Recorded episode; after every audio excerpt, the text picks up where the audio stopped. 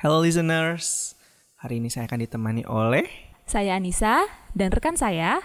Alwin Muhammad Reza Oke, tamu kita hari ini adalah Prof. Sawitri. dan kami akan membahas mengenai toxic relationship.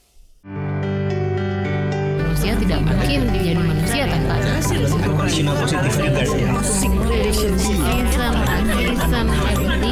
ada yang Manusia adalah individu yang selfish. Aksara Podcast. Halo Nis, Halloween. biasanya saya ditemenin sama, Sama Kang yang- Tegar yang ganteng ya. Sama yang ganteng, sekarang ditemenin sama ya?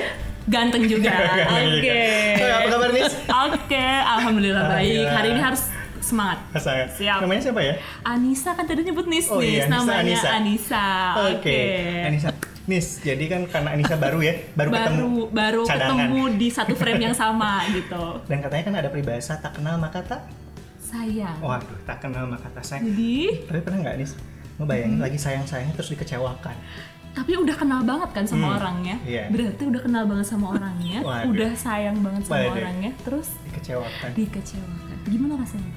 Sakitnya tuh di sini katanya. Di mana? Di sini. Di di mana-mana sebenarnya sakitnya ya. Oke, gimana Oke, nih jadi? Ngomongin masalah tadi dikecewakan, Hmm. rasa hmm, sakit hati, marah dan Marah, lain sebagainya. oke. Kayaknya itu hal yang umum ya, banyak dialami oleh orang Hmm, lain. pasti aku juga ngerasain, aku juga ngerasain. Terus Pernah ngerasain? Pernah sih, sama siapa pun pasti pernah ngerasain. Oke, dan kayak biasanya gitu. itu masalah relasi ya, Cem. ya? betul, betul Kok banget. Cem sih?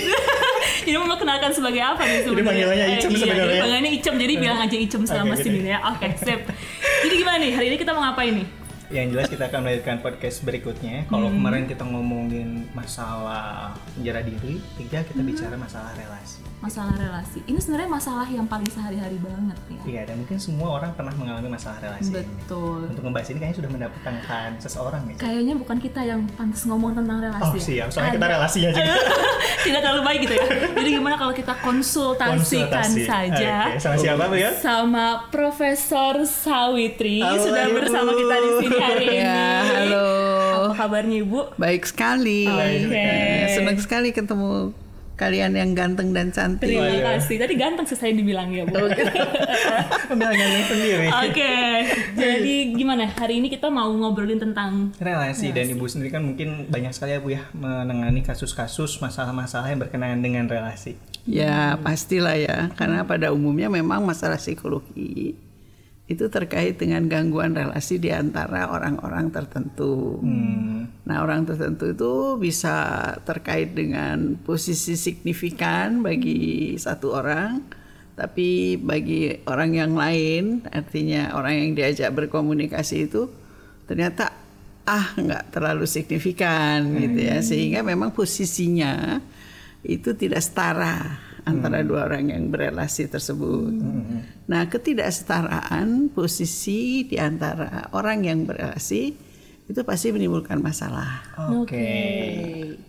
Ketidaksetaraan itu bisa disebabkan oleh karena salah satu orang yang ber- diajak berkomunikasi itu sedikit merendahkan, ya.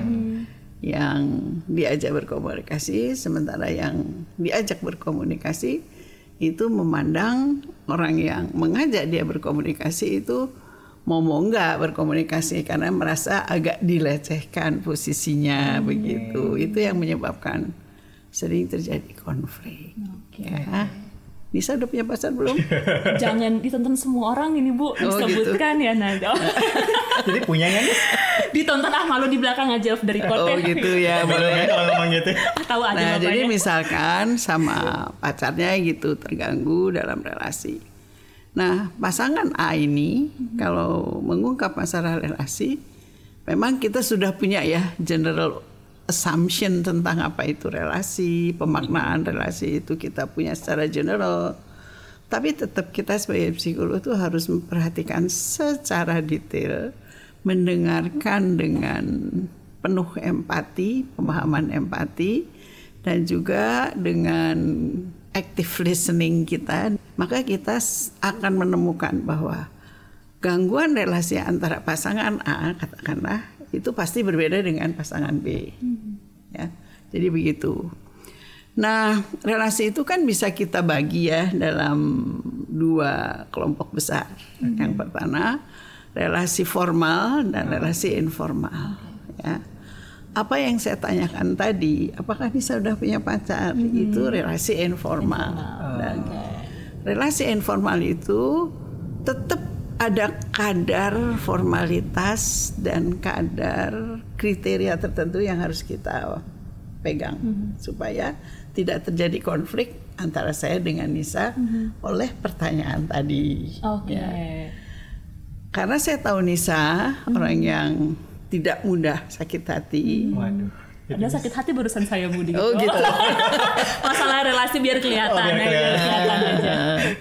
Oke boleh sakit hati, tapi dalam kadar yang relatif ringan kan. Betul, betul. Nah sehingga respons Anissa eh, baik respons fisik maupun psikisnya itu bisa ditangkap oleh orang yang menanyakan hal itu, artinya Ibu Sawitri. Wah dia mah nggak apa-apa ditanyain seperti itu, itu kan informal. Sedangkan relasi formal itu biasanya terjalin dalam kaitan eh, atasan dengan bawahan dalam setting pekerjaan ya atau eh, rekan se apa namanya rekan sejawat Kolega. ke kolega yang juga mempunyai eh, latar belakang yang sama begitu ya. Nah, eh, baik relasi formal maupun informal itu punya risiko konflik. Oke. Oke. Sehingga kalau kita mencoba membuat semacam apa ya asumsi general tentang rel- relasi itu, ternyata di dalam relasi yang sehat ya itu terkandung beberapa aspek. Yang pertama, apakah itu formal maupun tidak formal ya? Yes. Eh, pertama harus ada trust di antara kedua orang yang berelasi. Ya. Kemudian yang kedua ada respect antara dua eh, kedua orang tersebut.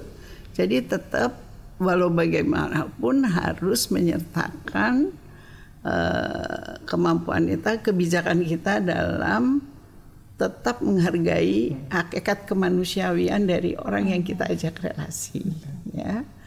Kemudian eh, kecuali respect juga ada equality yang tadi saya katakan. Ada kesamaan, kesetaraan. Apakah kesetaraan dalam eh, jabatan atau kesetaraan dalam posisi tertentu ya. Nah, itu memang sangat berpengaruh terhadap eh, jalinan relasi yang mereka bina begitu ya. Jadi gitu. Nah, saya pernah mendengar istilah apa nih?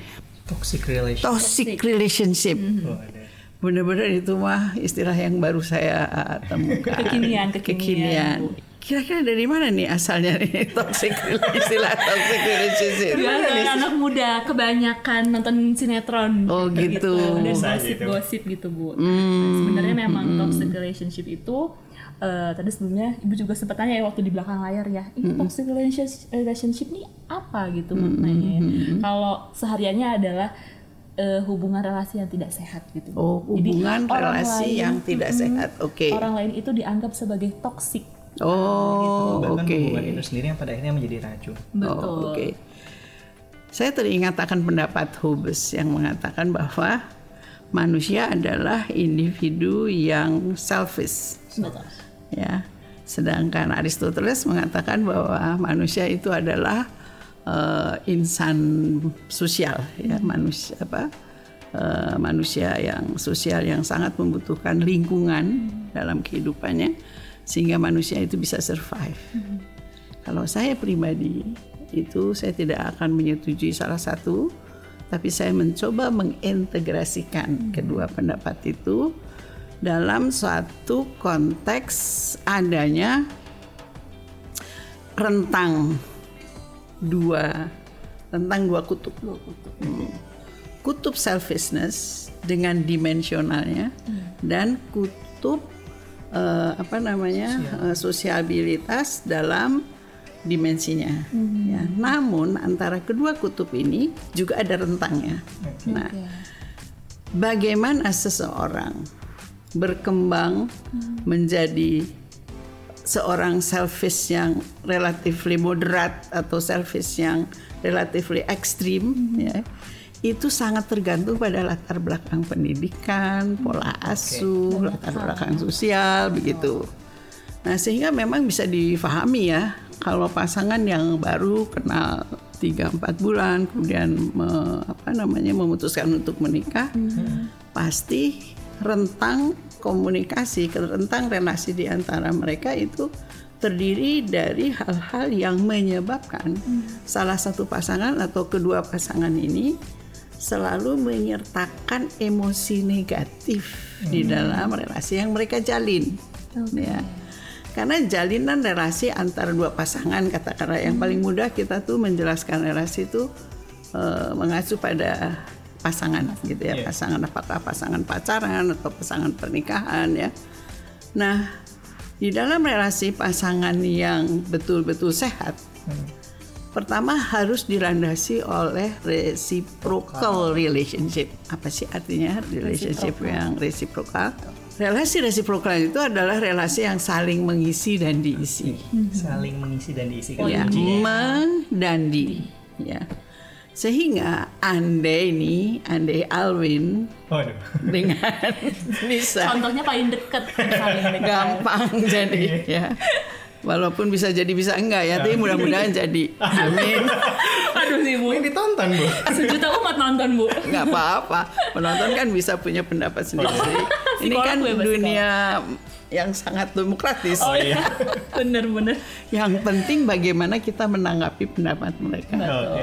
That's ya, itu juga merupakan pemaknaan akan kata relasi. Oke. Oke. Jadi bagaimana seseorang memberikan reaksi terhadap pendapat orang tentang diri kita itu sangat terkait dengan sejauh mana kesenjangan antara selfishness dengan sosiabilitas itu eh, meretas dalam satu poin begitu. Ngerti nggak? Iya. Terlalu jauh nggak sih ngomongnya? Enggak. Tapi kebayang ya Kebayang, berarti ya. Kebayang ya. Ibu nggak so ilmiah. Tapi memang ilmiah. ya gitu. Oke, oke. Oke ya, jadi resiprositas yang terjalin yang membentuk relasi yang sehat Mhm.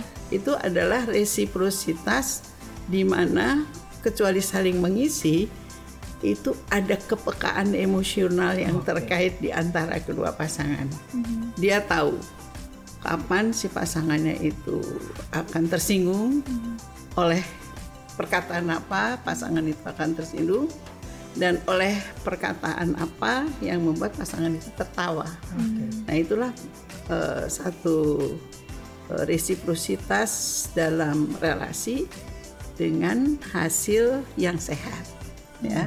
Sehingga andaikan emosi negatif disertakan untuk hal-hal kecil misalnya, kadar toleransi mereka itu juga lebih lebih oke terhadap eh, apa namanya terhadap eh, konflik yang terjadi lah. Karena tidak mungkin ya pasangan ah, secinta-cintanya dua orang berpasangan itu tidak mungkin tidak akan ada konflik Oke, Cem. jadi ternyata memang ketika mengalami masalah dalam relasi itu hal yang wajar ya. Betul, suatu hal yang ada ya, Yang ada. konflik itu ada gitu. Oke, Bu. tapi anda jangan berpendapat bahwa setiap konflik itu efeknya negatif ya Oke. Oke. ya karena eh, konflik itu konflik yang positif maknanya bagi kedua pasangan itu menjadi sarana kedua pasangan untuk lebih mengenali pasangannya gitu. Oke. Oh, pasangan saya tuh sebetulnya maunya begini. Oh, saya baru tahu gitu. Jadi konflik itu ada yang menguntungkan. Tapi konflik yang memiliki makna negatif dan menyertakan respons emosi negatif berlanjut di antara mereka itulah konflik yang menghancurkan ya tidak baik begitu ya yang mungkin kalau saya tidak salah eh, apa yang eh, anda tadi maksudkan dengan istilah toxic relasi. Ya jadi itu. Oke. gitu. Terus yang jadi pertanyaan menarik gini. Ketika tadi kan konflik itu bisa jadi membuat uh, hubungan itu menjadi berkembang dan tumbuh ya Bu ya. Tapi di sisi lain ternyata konflik ini bisa membuat emosi negatif yang terus terbawa. Sehingga kapan sih konflik ini bisa menjadi justru membuat hubungan menjadi lebih baik? Tapi kapan konflik yang seperti apa yang justru membuat hubungan ini menjadi makin Renggang. renggang gitu? Oh, oke. Ini pertanyaan yang bagus sekali bagi calon pengantin. Waduh, Konseling. mau nikah Cem. Pertanyaannya, aduh. Ini konseling pranikah ya. Ya, Oke, kembali ke pertanyaan Alwin. Konflik yang akhirnya menyebabkan kerenggangan relasi di antara mereka semakin jauh ya. Itu adalah konflik yang tidak dimanage dengan baik. Oke. Jadi ada action spesifik yang harus difahami oleh kedua pasangan bahwa ada teknik manajemen konflik ya. Yang antara lain pertama didasari oleh keinginan yang kedua pasangan itu untuk mencintai saling mencintai seperti halnya pada awal mereka eh, mulai berhubungan. Itu satu. Kemudian yang kedua kedua pasangan menyadari bahwa mereka itu berasal mungkin ya, yang pastinya mah dari latar belakang keluarga yang berbeda. Iya. Nah, bisa-bisa latar belakang eh, pendidikan dan yang sering sekarang karena ini masa globalisasi sangat meluas antar etnik yang berbeda Oke. atau justru bangsa yang berbeda begitu ya.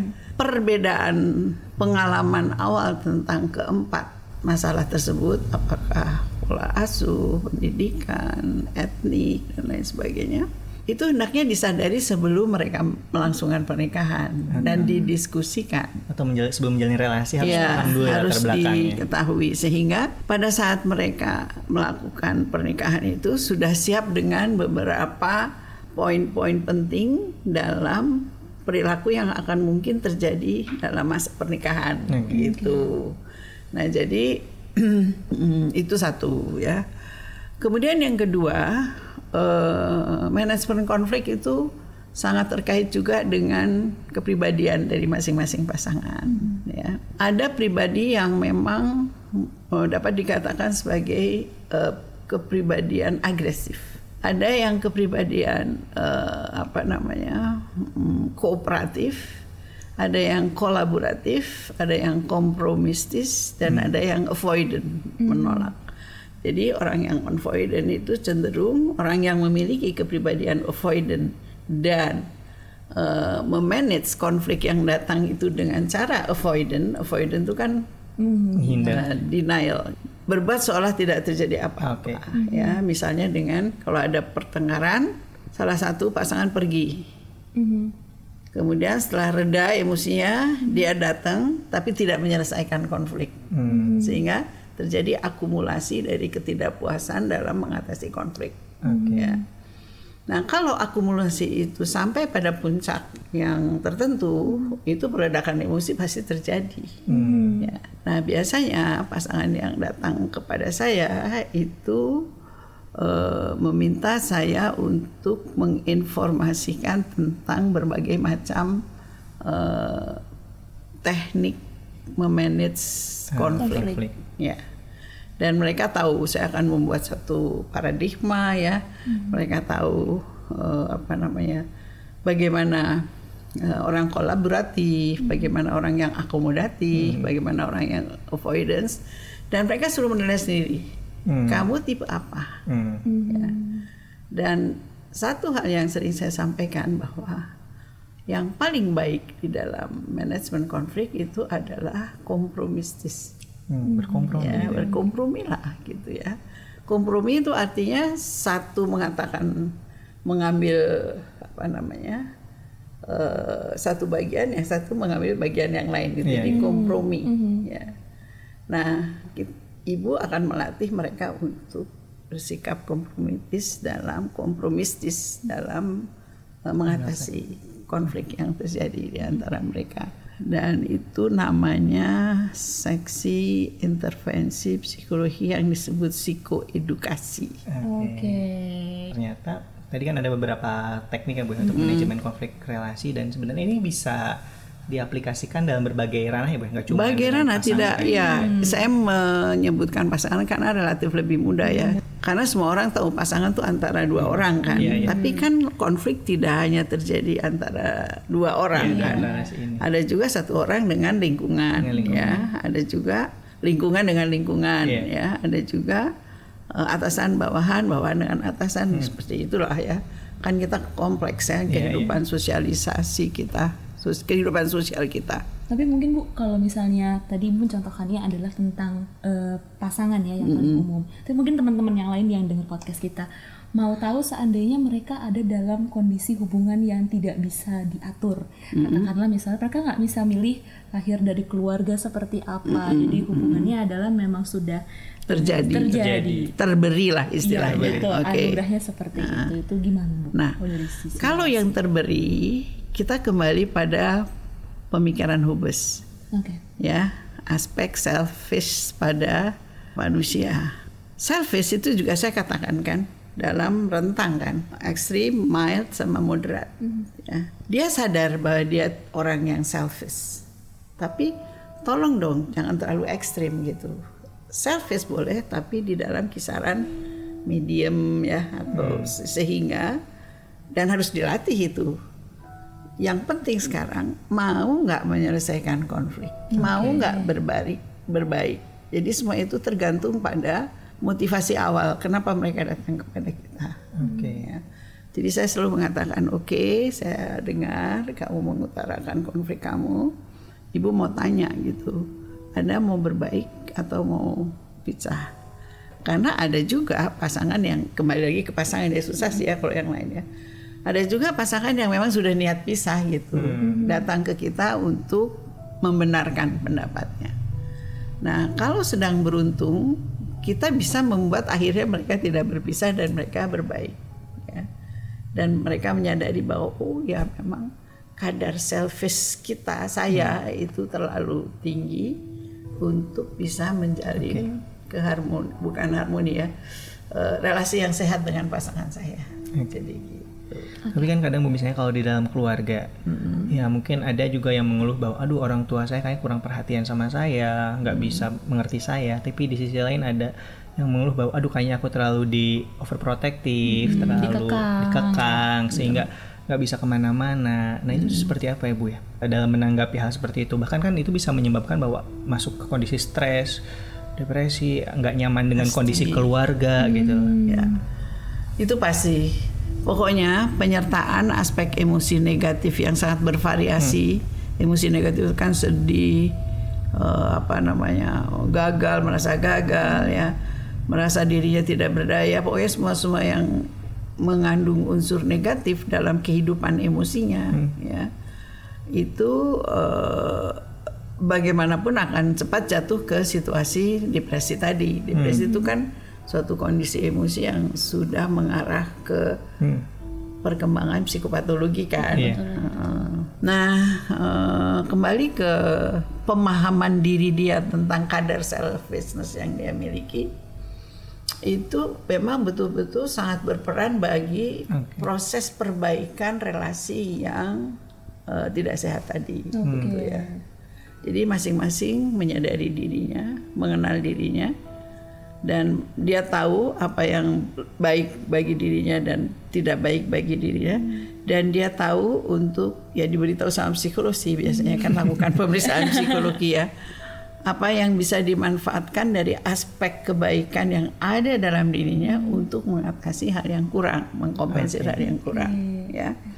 Dan itu diimbangi dengan pasangan yang lain juga mendapatkan informasi seperti itu. Tapi ada poin menarik loh dari omongan ibu barusan. Kalau mau membina relasi yang sehat, berarti individu yang menjalani relasinya itu perlu menyadari Iya. tadi kepribadiannya seperti apa. Hmm, latar belakang keluarganya bagaimana, ya. Dan itu harus dikomunikasikan sama Oke, pasangan. jadi nggak bisa diem-diem aja ya, Nggak misalnya bisa. semeras apa gitu. Oke. Dan kalau cinta kan mau segala macam tahu kan. gitu Saat itu cinta. Gak tahu nih relasi bahasannya jadi cinta sih ibu ya. kadang kan bu ada situasi yang kayaknya susah banget untuk kita kontrol katakan dalam keluarga atau dalam pekerjaan kayaknya ya bagaimanapun orang yang lebih powerful dari kita katakanlah bisa menekan kita baik itu bos atau orang tua atau lingkungan kerja atau lingkungan rumah sehingga kayak kita tuh nggak bisa ngapa-ngapain. Kita udah ngomong udah apa ya bicara atau udah mencoba kompromi tapi tetap aja kita nggak bisa mengendalikan lingkungan. Sehingga kita sendiri kan kadang pusing gimana sih antisipasinya bu gitu? Oke, sebetulnya kamu udah sebutkan tadi Oke. bahwa ada hal-hal terberi yang tidak bisa kita rubah. ada Intinya itu. Posisi kita terhadap hal terberi itu gimana? Misalkan punya ayah yang bawel banget gitu ya, atau yang galak banget, atau yang dominan sekali, yang otoriter ya. Dan itu nggak bisa diapa-apakan karena dia memang pribadi yang seperti itu dan tidak bisa di apalagi kalau udah tua ya. 50 ke atas tuh udah nggak mungkin lah dengar orang ya. nah, eh, kalau seperti itu sadari bahwa ada hal terberi yang harus dia terima. oke Oke. penerimaan Pen- Penerimaan. penerimaan. Acceptance. acceptance Oh, Oke. Kita accept bahwa eh, kita adalah anaknya siapa. Ibu Sawitri kan anak seseorang gitu ya. Kalau disuruh milih kan pengen jadi anak Pak Harto kan. Rajin. Atau jadi anak Obama ya Bu ya? Iya, anak menteng. Misalnya Obama lebih muda daripada ibu Oh bener juga ya. Obama anak ibu berarti. Jadi eh, kita ada hal yang tidak bisa kita pilih. Nah, untuk itu sesudah menerima, kita siasati diri kita untuk mencari hal-hal positif yang membuat kita tidak terlalu terganggu oleh keberadaan orang yang dominan tersebut, apakah itu ayah, bos dan lain sebagainya. Hmm. Jadi cari hal positif walaupun dalam kondisi Senegatif apa pun.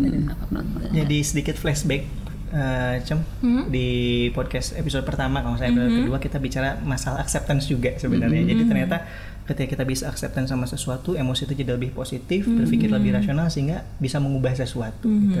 Masuk tadi kalau kata Ibu, akhirnya beraktivitas positif ya Bu ya. Ya, ya, jadi gitu. Kita juga mesti menyadari bahwa kita sebagai manusia itu kan satu kayak semacam eh, bulatan gitu yang terbagi dua kan, rasio dan emosi kan. Iya. Oke. Sejauh mana si rasio ini bisa menguasai emosi itu juga masalah yang sangat penting ya. Oke. Karena orang yang stres, orang yang terus mengeluh, mengeluh, mengeluh, itu hidupnya didominasi oleh emosi. Oke. itu kita sampaikan kepada dia mana rasio kamu? Gitu loh. Imbang ya Bu ya. Nah, itu harus imbang. jadi integrasi antara fungsi fungsi rasio dengan emosi itu harus dalam kondisi yang optimal. Artinya apa? Berimbang Berimbang. misalnya terlalu rasional jadi kayak robot juga ya. Nyebelin kan ya. terlalu emosional ah oh, ah oh, nggak kerja kerja yang ngelah ngeluh ngelah ngeluh ya. Yang paling tepat itu terjadi integrasi yang berimbang dan berfungsi secara optimal. Itu namanya eh, orang yang mampu menjalin relasi dengan lingkungan dalam bentuk relasi sehat Oke, Jem, berarti di sini kita dapat eh, dua kata kunci bahwa untuk membangun relasi yang sehat itu bagaimana kita mampu mengintegra- mengintegrasikan rasionalitas Mm, dan, Dan juga emosi, emosi. tadi. Terus satu lagi tadi ibu bilang yang harus terintegrasi adalah selfishnessnya manusia dan sosialnya manusia itu juga harus terintegrasi. dengan baik Mm-mm. Terus sekarang bu, eh, kalau misalnya tadi udah dibicarakan sama ibu mengenai keseimbangan nih untuk menjaga hubungan relasi yang sehat tuh diperlukan keseimbangan antara rasio dengan emosi, Emosi. gitu ya. Nah gimana sih untuk tetap mempertahankan manusia itu kan dinamis ya bu ya, kadang satu sisi rasionya yang mendominasi, kadang emosinya yang mendominasi. Kalau dari ibu sendiri gimana cara mempertahankannya? Gini, kita pasti tidak luput dari kesalahan. Nah, kesalahan itu bisa saja eh, manifest karena integrasi yang kurang berjalan dengan baik atau sedikit terganggu oleh stressors yang datang sesaat. Itu mungkin saja ter- terganggu, ya. Nah, orang yang pada dasarnya sehat mental, ya, eh, kemampuan eh, mengintegrasikan secara optimal dari kondisi yang konflik yang apa yang tadi tidak sejalan itu tidak stabil itu relatif lebih cepat. Itu ciri dari manusia sehat mental ya tidak berarti bahwa manusia sehat mental sama sekali tidak stres, tidak mungkin lah ya. Iya. Nah, tapi kelebihan dia adalah dia relatif lebih cepat dalam mengatasi. Sementara manusia yang eh, emosinya menguasai rasio itu sebetulnya manusia yang eh, dapat dikatakan sebagai manusia yang eh, tidak stabil emosinya, jadi labil, relatif labil. Orang yang labil emosinya tentu saja emosi yang pegang peranan kan. Iya. Nah, sekarang tadi saya mengatakan tidak satu pun manusia luput dari kesalahan. Berarti apa yang kita harus perbaiki dari diri kita dari hari ke hari? Kita harus introspeksi kalau malam Oke. kira-kira 10 menit terakhir dari saat kita menjelang pulas itu adalah waktu pribadi kita. Di situlah ketem- kesempatan eh, introspeksi. Kok aku tadi marah seperti itu sih? Padahal Oke. kesalahan si Mbak kan nggak seberapa gitu. Berarti memang harus ada upaya Upaya dari evaluasi. pribadi. Oke. Sesehat-sehatnya mental manusia. Cuman kalau yang labil memang membutuhkan tenaga profesional. Oke, bantuan datanglah ya. datanglah ke psikolog Nisa atau ke Psikolog. psikolog Prof Sawitri ya. Berarti memang untuk ke saya mahal Berarti kita murah. Murahan berarti ya. Berarti tadi Ibu menarik menarik banget mengemasnya ya. Iya. Berarti untuk menciptakan relasi yang sehat itu nggak bisa terus-terusan meminta orang lain yang berusaha ya, Iya. Bu, ya. Iya. Bagaimana kita Perlu. juga pada akhirnya mengintrospeksi diri Iya. ke dalam diri. Bagaimana seharusnya kita bersikap juga mungkin. Iya. Apakah kita perlu bantuan orang lain Iya. gitu ya nah kesadaran itu nah kadang-kadang orang nggak mau ngaku ya bahwa dia Iya. tuh Iya. butuh seseorang Padahal sebenarnya nggak masalah Padahal ya kan bu ya. psikolog bertebaran nih di sini aja ada berapa psikolog Berarti sebenarnya eh, butuh ya Bu ya. Butuh. Sebetulnya butuh, tapi kadang-kadang mereka enggan mengakui satu. Kemudian yang kedua mungkin merasa kok eh, menyebar-nyebar aib gitu ya, menyebar aib. Terus yang ketiga merasa ah jangan-jangan gue disangka gila konsultasi sama psikolog gitu kan. Padahal kan psikolog bukan nanganin orang gila ya nggak sih? Nis? Ya, berarti emang penting ya evaluasi penting. diri itu. Evalu- penting. evaluasi penting untuk menjaga stabilitas kesehatan relasi antar dia dengan pasangan, antar dia dengan lingkungan. Introspeksi itu adalah salah satu sarana untuk bisa mengenali diri kita Oke. lebih baik. Dengan kita mengenal diri kita lebih baik, berarti kita menerima diri kita apa adanya. Hmm. Orang yang menerima diri apa adanya, itu berarti juga menerima orang lain apa adanya Oh, kan. oke. Sehingga dia otomatis itu kalau merasa kurang, dia akan menghargai oh dia lebih baik dari saya. Saya akan belajar sama dia.